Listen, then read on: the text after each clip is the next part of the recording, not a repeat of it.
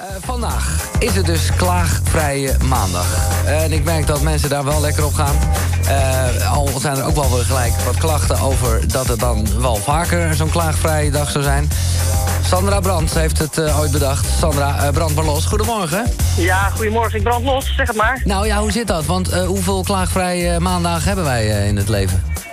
Ja, zoveel als jij zelf wil, Giel. Dus wat is jouw antwoord? Nou, geen.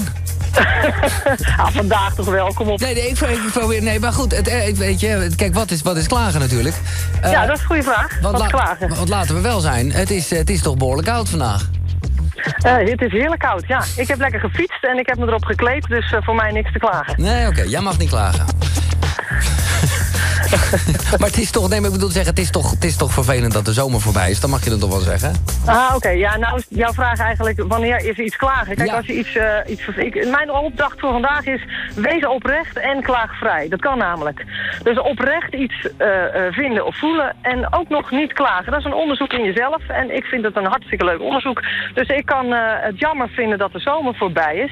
En ik kan erover klagen. Dus dat zijn twee verschillende dingen. En de kunst is om dat te gaan uitspitten. En ik moet zeggen, je krijgt er een stuk fijner gevoel bij als je kiest voor klaagvrij en oprecht in plaats van te klagen.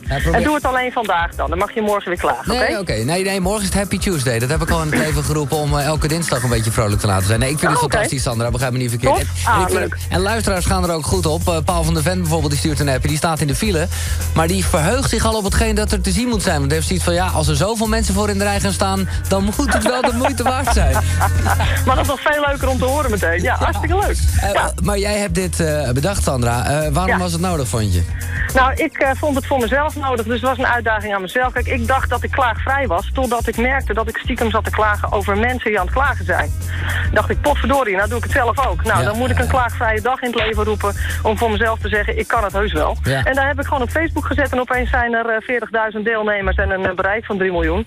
En dat had ik niet helemaal verwacht. Nee, maar ik zal er niet over klagen. Nee, dat wil niks zeggen. Dat is, het is mooi al, moet, je zeggen, moet ik zeggen. Maar goed, dat is Facebook.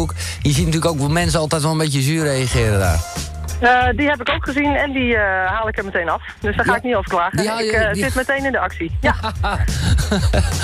wat goed zeg. Ja. ja. ik beheer die pagina, dus dan kan ik daar wat aan doen. Hè? Ik kan erover klagen of ik kan er wat aan doen. En dan doe ik liever het laatst. En wat doe jij in het dagelijks leven dan, Sandra? Nou, een heleboel. Ik ben in ieder geval moeder van drie kleintjes. En die zie ik als spiegel voor mijn mooie leventje. Dus daar wil ik heel veel van leren. En voor de rest ben ik bedrijfscoach. Ik leer mensen te luisteren naar hun lijf.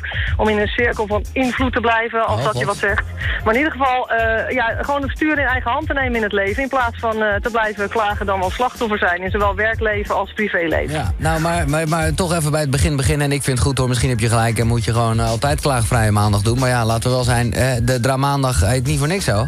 Uh, wanneer, want ja, dit was al eerder ook een keer klaagvrije maandag. Ja, ik heb het vorig jaar een keertje opgezet. Of opgezet, één keer geïnitieerd. En toen waren er 200 deelnemers. Ik dacht, nou laat ik het nou weer eens een keertje doen. Toen waren er ietsje meer. En uh, klaagvrij wil dus niet zeggen dat je je mond houdt... Hè, en ondertussen van alles klagend denkt. Dus het is echt in je hoofd ook een onderzoekje vandaag. Van wees ook klaagvrij in je hoofd. En wat gebeurt er dan? Ja. En uh, mag ik een voorbeeld geven of niet? Heel graag. Heel graag. Ik stond bij de IKEA met mijn kleine man in de draagdoek... bij mijn auto vol met spullen in de winkelwagen. Kleine man in de auto, spullen inladen. En vervolgens dacht ik, uh, nou, ik zal het woord niet zeggen, maar ik zat echt te klagen van... verdorie, dan moet ik die car weer terugbrengen naar die Ikea, heel ver weg. Stond ik op, de parkeerplaats en uh, die kleine man zit al in de auto. Moet ik hem weer eruit sjouwen? Ik dacht, ho, stop, dit is klagen in mijn kop. Wat wil ik? Ik wil eigenlijk het liefst die car hier kunnen laten staan, bij de auto en wegrijden. Op dat moment stond er eentje achter mij, het was heel druk, en die knipperde van, ik wil erin. Dus als ik in het klagen was blijven hangen, had ik gedacht, potverdorie, moet ik nog rennen, ook met die kar. Maar ik had al gekozen dat ik wat anders wilde, dus ik ging naar die persoon. Ik zeg, wil je mijn parkeer plek? Hij zegt ja. Ik zeg, dan mag je ook mijn kar overnemen. Dat is goed. nou, dus ik in de kar. En rij je maar. De auto dan. Ik vind dit een heel mooi voorbeeld, Sandra. Het is ook een beetje omdenken, gewoon even, eh, nou ja. ja absoluut, absoluut. Hartelijke klaagvrije maandag vandaag dan, hè? Ik uh, zeg hetzelfde. Bedankt, okay. Goedemorgen. Ciao.